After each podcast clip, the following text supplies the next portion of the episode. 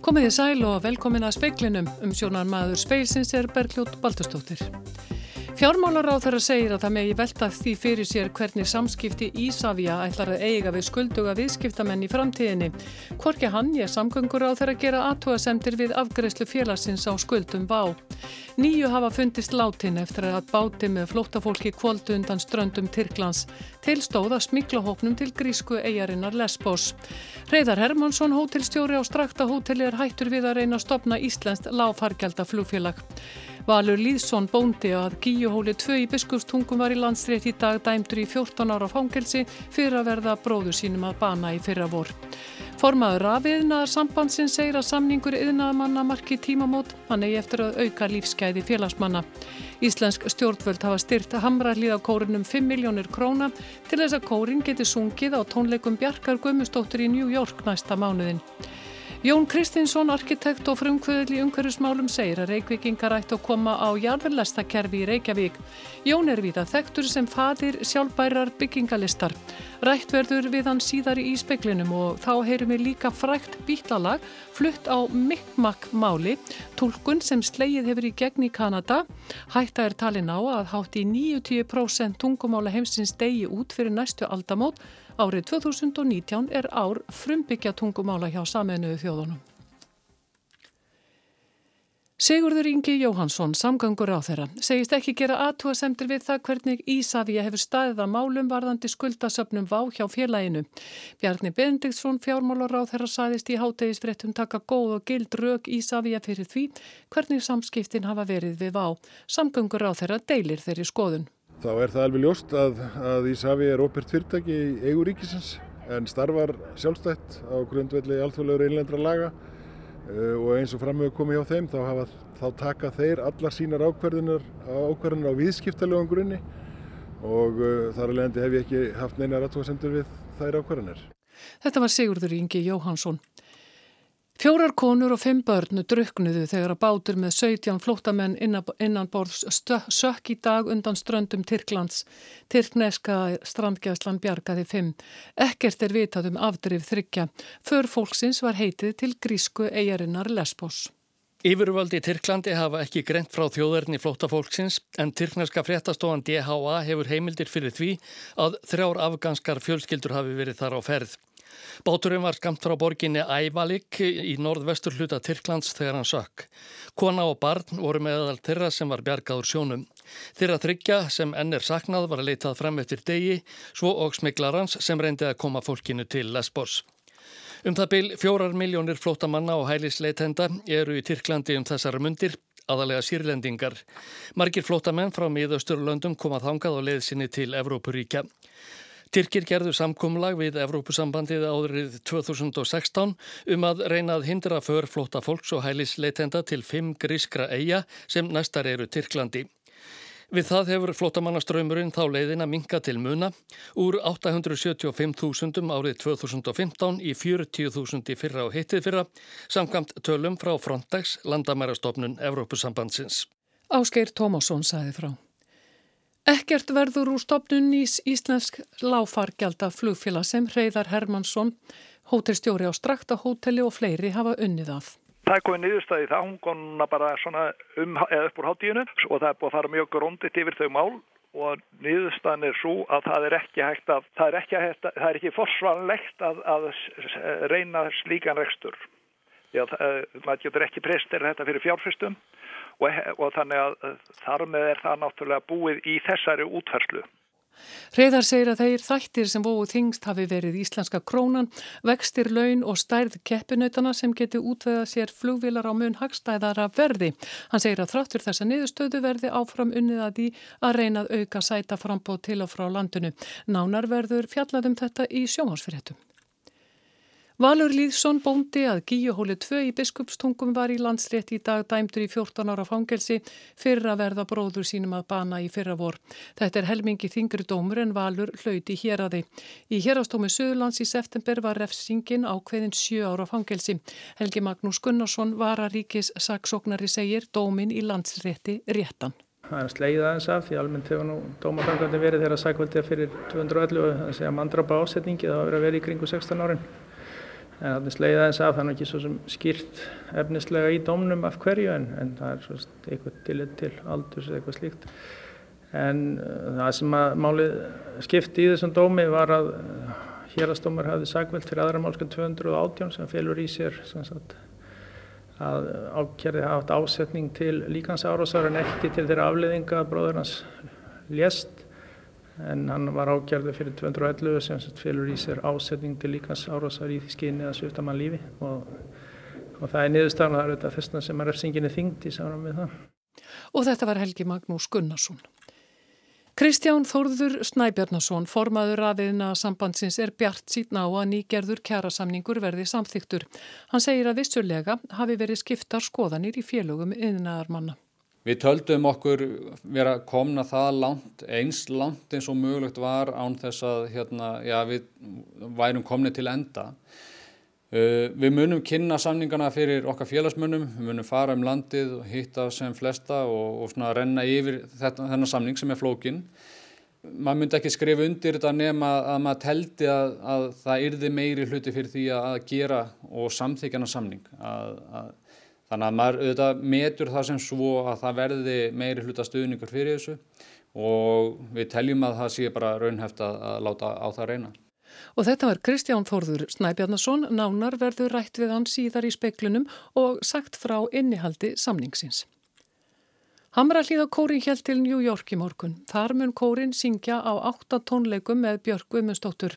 Lilja Alfreðsdóttir, mentamálar á þeirra, segir að stjórnvöld hafi styrt kórin um 5 miljónir króna til þess að hann gæti tekið þátt í verkefninu. Við erum að styrkja Hamrallíða kórin sem er að fara að taka þátt í mjög umfangsmiklu verkefni með Björg Guðmundsdóttur og þetta verður mikil landkynning og hún er að styðjast við kórin og þetta er samstarf sem hefur átt sér stað í talsverðan tíma og ég held að þetta verði alveg stór glæsilegt hjá kórnum. Eh, nú er Björku þetta stór stjarnar og er að halda þessa tónleika sjálf. Er, er eðlegt að almannafjessi notað í í það? Við erum að styrkja það að Íslandskur kór komi að þessum atbyrði, viðbyrði öllu heldur og við teljum að svona séu við að, að styðja við íslenska menningu og erlendum vettvangi og teljum að kórin og, og kóra starfsemi muni fá góða auglýsingu erlendis. Saði Lilja Alferðistóttir í viðtali við Haug Holm, nánar verður fjallaðum tónleika bjarkar í fréttum sjónvarsklukkan 7. Þeim sem slasast alvarlega á þungum beifhjólum hefur fækkað um 56% á einum áratug. 79 slösuðist alvarlega eða létust í slesum á þungum beifhjólum árið 2009 en 34 slösuðist alvarlega á síðasta ári og ekkert banaslis varð. Á sama tíma hefur skráðum beifhjólum fjölkað úr rúmlega 7.100 í tæplega 8.600. Einar Magnús Magnússon, sérfræðingur á Öryggis og fræðslu deilt samgöngustofu, segir að aukumenn og beifhjólum bifhjólafólk sé einfallega færara í dag en það var áður. Ég held að þessi orðin meiri og betri svona vitund fyrir því að bifhjólafólk eru þáttakandur í umferinni og uh, það er líka alveg óumdeinilegt og maður sér það hjá þessum bifhjólasamtökum sem eru, eru starfandi að þar eru öryggismál uh, sett á ottin og það er ekkit, það er ekkit svona, þykir ekkit, það síður nú svo hallarislegt að, að þeirra leggja áherslu á það í umræðinu í dag, þannig að hér gagst að það þykir í rauninni hallarislegt. Tölutna sína að þeim fjölgar sem er á bifjólum í umferðinni, er bifjólakstur orðið einhvers konar tísku fyrir bari? Ég held að sé, sko, það hafi verið svona ákveðna sveplur í þessu svona tengt svolítið efnahag þjóðarinnar Það er, eh, hjá mörgum er þetta eh, bara lífsmáti og, og reyndar mjög mörgum og ég held að sá hópur hafi farið vaksandi. Það er svona kannski meira vanandi þungubifjólun, þá er þetta eldra fólk en, en eh, sko maður þannig að vera komin í að belífur um tvítugsaldur til þess að geta fengið réttindi á slík hjól En það eru mjög margir sem eru með þetta sem lífsmáta og ferðast mjög mikið á, á bifjólum, bæði hér innanlands og, og jafnvel erlendis. Sagði Einar Magnús Magnússon, Jón Hákon Haldursson talaði við hann.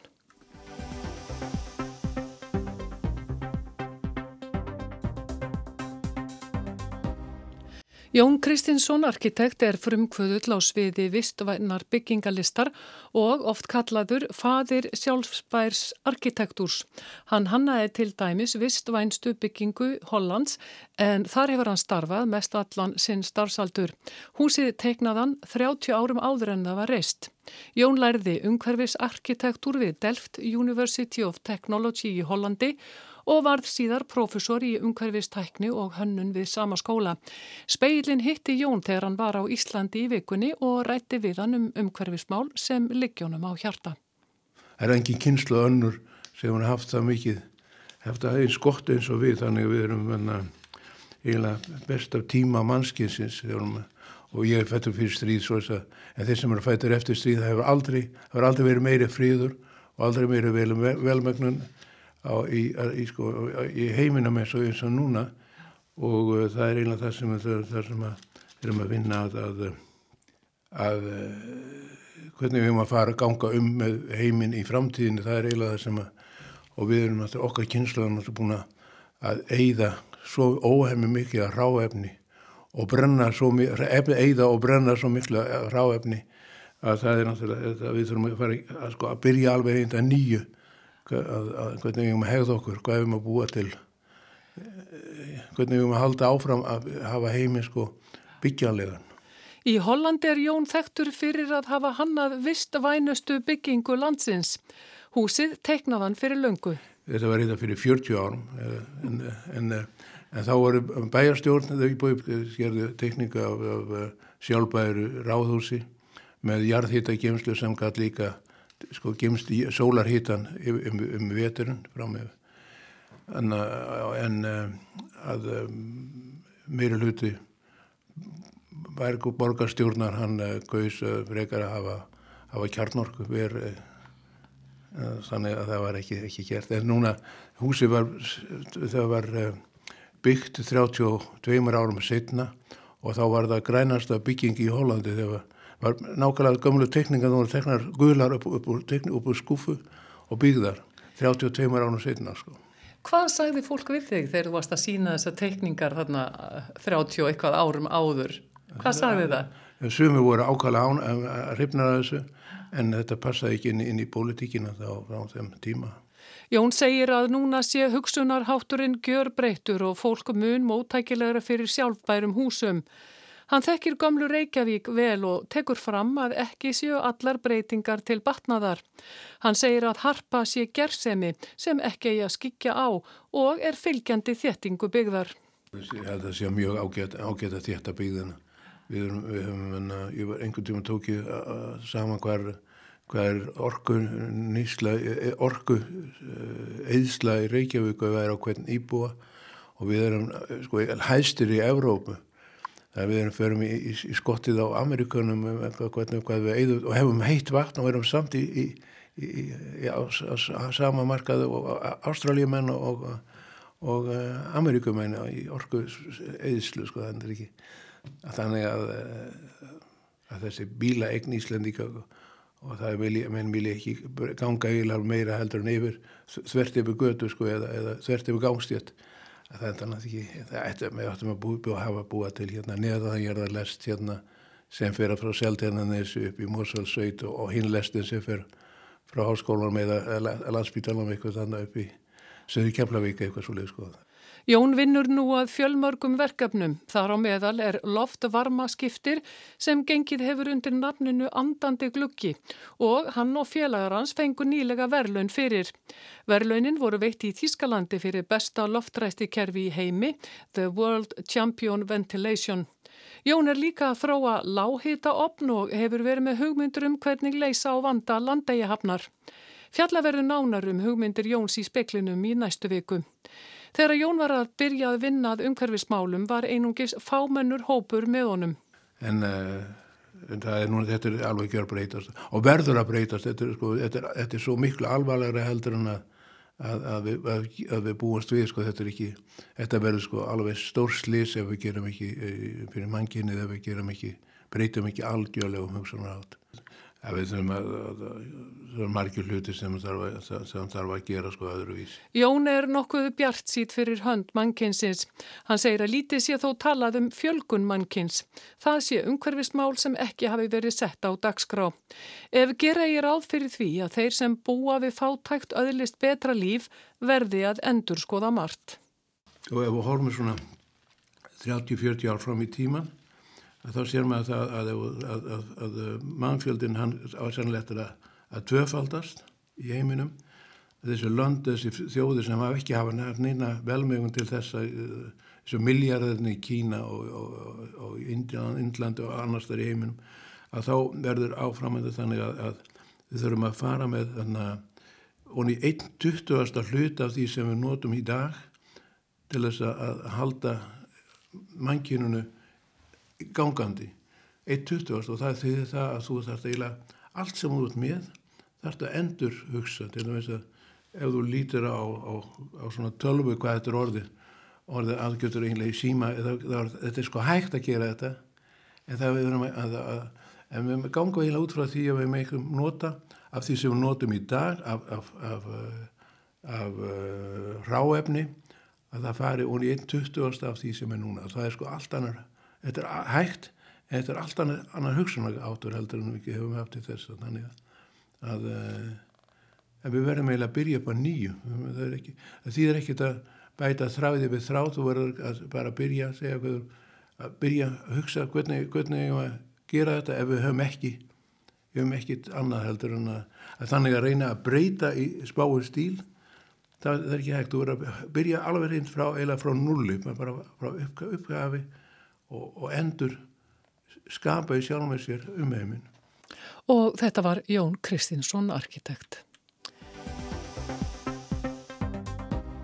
Formaður rafiðnaðar sambandsins segir að samningur yðnaðmanna marki tímamót. Hann auki lífsgæði félagsmanna sem geti verið meiri tíma með, fjöl, meiri tíma með fjölskyldum sínum, vinnuveikan stittist í 36 tíma og ef farðið er yfir 17 tíma í yfirvinnu á mánuði tvöfaldast tímakauppið. Kjærasamningur yðnaðmann og atvinnureikend er í megin atriðum eins og lífskjærasamningurinn sem gerðu var við starfsgrunarsambandi og vestlunamenn. Yðnaðamenn fá sömu krónutöluhækkanir, takstalögn hækkum 90.000 krónur á samnistímanum og önnur laun um 68.000 krónur. Það eru samskonar ákvæðu um bæði hagvastar aukan og launathróun og loks er samnistímin sá sami. Innamenn ganga hins vegar lengra þegar kemur að styttingu vinnutímans. Það er gert þeirra á fyrir að vinnutímin stittist úr 40 stundum í 37 stundur á viku frá 1. apríl á næsta ári með því að fella niður kaffetíma. Með sankomulega á vinnustad getur vinnutímin farið niður í 36 stundir. Þó að vinnutíminni stittist verða greitt sömu laun fyrir dagvinnuna. Það þýðir þannig séð að dagvinnlaunin hækkum 8,33%. Mikilvægt aðtriði er að þið gertir áð fyrir tvennskonar yfirvinnu 1 og 2. Að einhverju leiti má líka þessu við fyrirkomulag sem týðkaðist áður hér þegar að yfirvinnu var skipt í eftirvinnutíma og næturvinnutíma. Gerfi nú er þannig að á yfirvinnu leggst 80%. Yfirinu breytingarnar að verða í tveimur áfengum til að einfalla máli má segja að álag vegna yfirvennu 1 verður 73,3% af dagvinnum og vegna yfirvinnu 2 verður það að lokum 100%. Miðar við að yfirvinna 2 byrja að tikka inn eftir um það byrj 17 tíma yfirvinna á mánuðim eða um 4 tíma á vikum. Þá er gett ráð fyrir að launatöflum verði gjör breytt, ekki verður lengur um að ræða launaþrepp, heldur verður einingis um einni byrjunataksta fyrir hvert eh, starfseiti. Efstitakstin í launatöflunum hefur í raun verið lámarstaksti hjá innamönnum. 90.000 krónar hækunin miðast við nýja takstan. Þannig að ef miða er við eh, lámarstakstanan eins og þeir eru núna, hækkar eh, nokkuð meira en um 90.000 krónur eða um 114.000 krónur. Mjög fáir innamenn eru á strípum takstalönum eða um 5-10%. Og það verður líka ráðast í að byggja upp eh, nýtt launakerfi. Það miðast við að tiltekin er ákveðin atriði sem geta hækka launin eins og til dæmis mentun, hæfni og ábyrg svo eitthvað sé nefn. Kristján Þórður Snæbjarnason, formar að vinnaðarsambansins, segir að þetta sé tímamóta samningur. Já, í þessum samning erum við að ná náttúrulega mikillir breytingu á vinnutímanum og það sem hefur verið kynnt áður er breyting á vinnutíma sem hefur verið í samkómulagi með atvinnureikundum. Eh, ef það næst ekki að þá geta yðnaðamenn eh, náð fram slíkri stýttingu á sínum forsöndum og teki upp svo kallaðan valkvæðan staðlaðan eh, fyrirtækja þátt samnings sem að gera það verkum að vinnutími getur farið niður í 36 klukkustundir og 15 mínútur. Já og síðan náttúrulega erum við að breyta samningum að öru leiti. Við erum að taka upp nýja deilitölu, eh, greiða fyrir virkan vinnutíma og við erum að taka upp eh, nýjar yfunu álagsprósentur sem að gera það verkum að við getum líka reynd að draga úr heildarvinnutíma og auki þar með líka gæði þeirra félagsmanna sem að vinna samkvæmt þessu samningum, auka lífsgæði manna, það er svona konsepti hjá okkur. Þannig ég held að sóknafærin séu alveg greiðilega mikil í, í þessum samningum til þess, að, til þess að ná fram bara betri stöðu fyrir yðnaðamenn inn í framtíðina. Hvað áttu við með því? Já, með því að, að eins og segi, stitta vinnutíma, uh, auka þá tíma sem að félagsmenn og starfsmenn geta notað í engalífið, verið með fjölskyldunni og en samt sem áður raun og raun náð að lifa á þeim, dag, uh, þeim launum sem er í bóði á markaðunum. En það tekjum upp uh, yfirvinna 1 og 2, yfirvinna 2 er eins konar refsi ákvæði, Já, hver er tilgangunum með því? Já, tilgangun með því er raun og verið tvíþættur. Uh, annars vegar viljum við reyna að draga úr heildarvinnutíma en jáfnframt viljum við gera það þannig að ef að menn þurfa að vinna mikla yfinu sem að sannlega þekkist í okkar greinum að þá viljum við að menn njóti góðs að því að í herri, ennþá herri launum fyrir slíka vinnu. Þannig að sé ekki hægt að, að, eh, láta menn vinna gríðala langa vinnudaga án þess að sé verið að borga almenlega fyrir það. Og við teljum að með þessu móti að séum við í raun og raun að komast áfram í þá átt að gera það uh, mönnum kleift að fá meira fyrir þá vinnu sem er á að vera dýrari. Þannig að það er í raun og veru verið að draga úr að ykkur leiti eða heilmiklu leiti úr þessum yfirvinnu kúltúr sem hefur ríkt og ríkir á Íslandi. Það er það sem við vorum að reyna að leggja upp með að, að ná að breyta því en auðvitað er ekki bara ekki starfsmennir sem að stýra þessu heldur það líka eru fyrirtækin fyrst og fremst sem að stýra því hversu langur vinnudagur er hjá mönnum og Ég held að, hérna, ég held að fyrirtækin og, og, og starfsmenn geti sótt þarna fram svolítið saman að, að reyna að draga úr þessum og stýtta vinnutíman og þá tengist það auðvitað líka inn á, inn á heilbriðismál og almenna heilsum uh, fólks að vera ekki að pína sig út í vinnu, langa vinnudaga.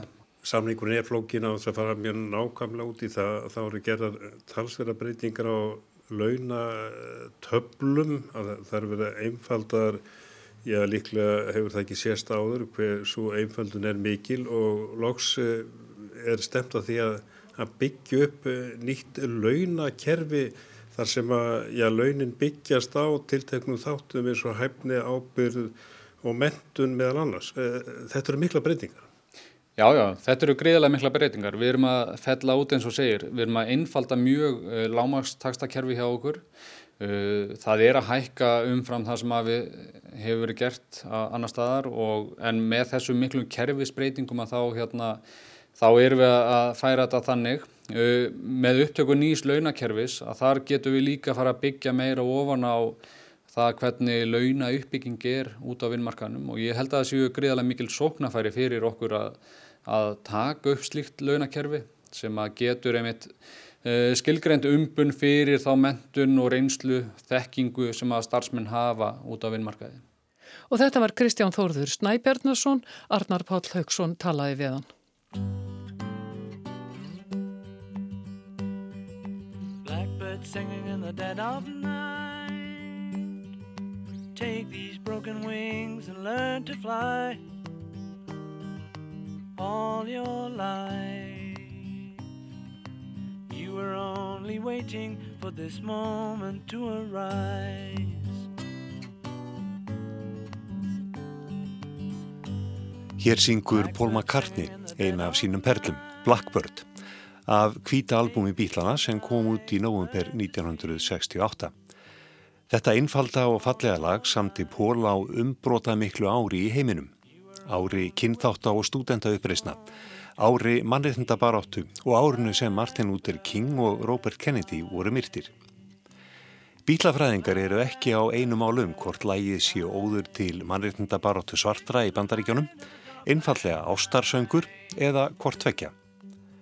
Vangbrotin svartrausturinn sem allt sitt líf þráði að fljúa og nú var stundin uppbrunnin.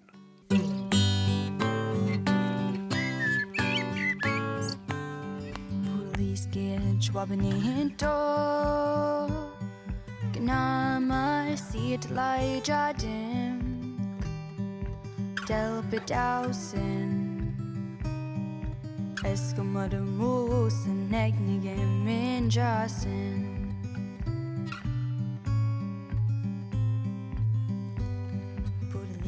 Hér hefur Emma Stevens hins vegar tekið við af Paul McCartney og syngur lag hans á Mi'kmaq máli frumbyggja á Östuströnd Kanada. Árið 2019 er ár frumbyggja tungumála hjá saminuðu þjóðunum. Frumbyggja tungumál eiga flestundir högga sækja um allan heim og eiga á hættu að deyja út, mismikill í þó. Tali er að um 7000 tungumál séu töluð í heiminum. Tæplega 2700 eru í mikilli hættu á að hverfa með þessari eða næstu kynslu. Milli 50 og 90% tungumála verða horfinum næstu aldamót. Helmingur jarðarbúa talar eitthvert af 20 algengustu tungumálunum. Flest heimsins tungumál eru töluð að færri en 10.000 manns. 370 miljónir manna í 90 löndum eru af frumbyggjaættum. Helmingurinn af öllum tungumálum heimsins er talaður í aðeins 8 löndum. Indlandi, Brasilju, Indonésiu, Níkerju, Kamerún, Papúa Nýjugíniu, Mexiko og Ástralíu. Mi'kmaq frumbyggjaþjóðin er um 170.000 manns og dreifist um austurströnd Kanada og meinríki í bandaríkjónum. Einungist hæflega 10.000 manns tala hins vegar Mi'kmaq málið. Fólk af Mi'kmaq ættum býr til að mynda á Nova Scotia eigu. Það er stærsta samfélag Mi'kmaq frumbyggja í Norður Ameríku.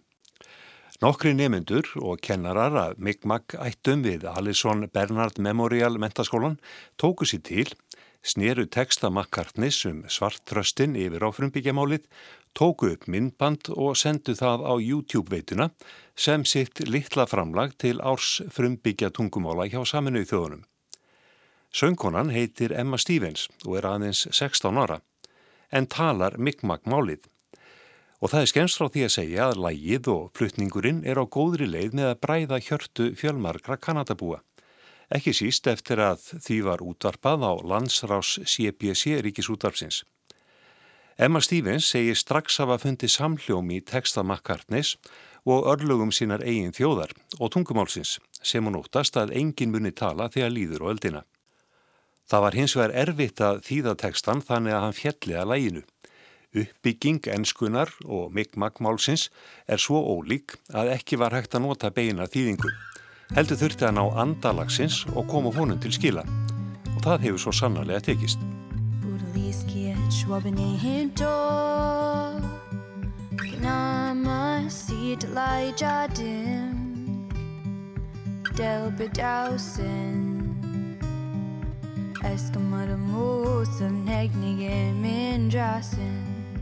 Eskamadı musum neknige min jasin Eskamadı musum neknige min jasin Eskumadı músum negnigin minn jössin Þetta var Emma Stevens að syngja á Mi'kmaq frumbyggja tungumálunu. Kristján Sigur Jónsson sagði frá. Það er ekki fleiri í speklinum. Ragnar Gunnarsson senda hann út. Verðið sæl.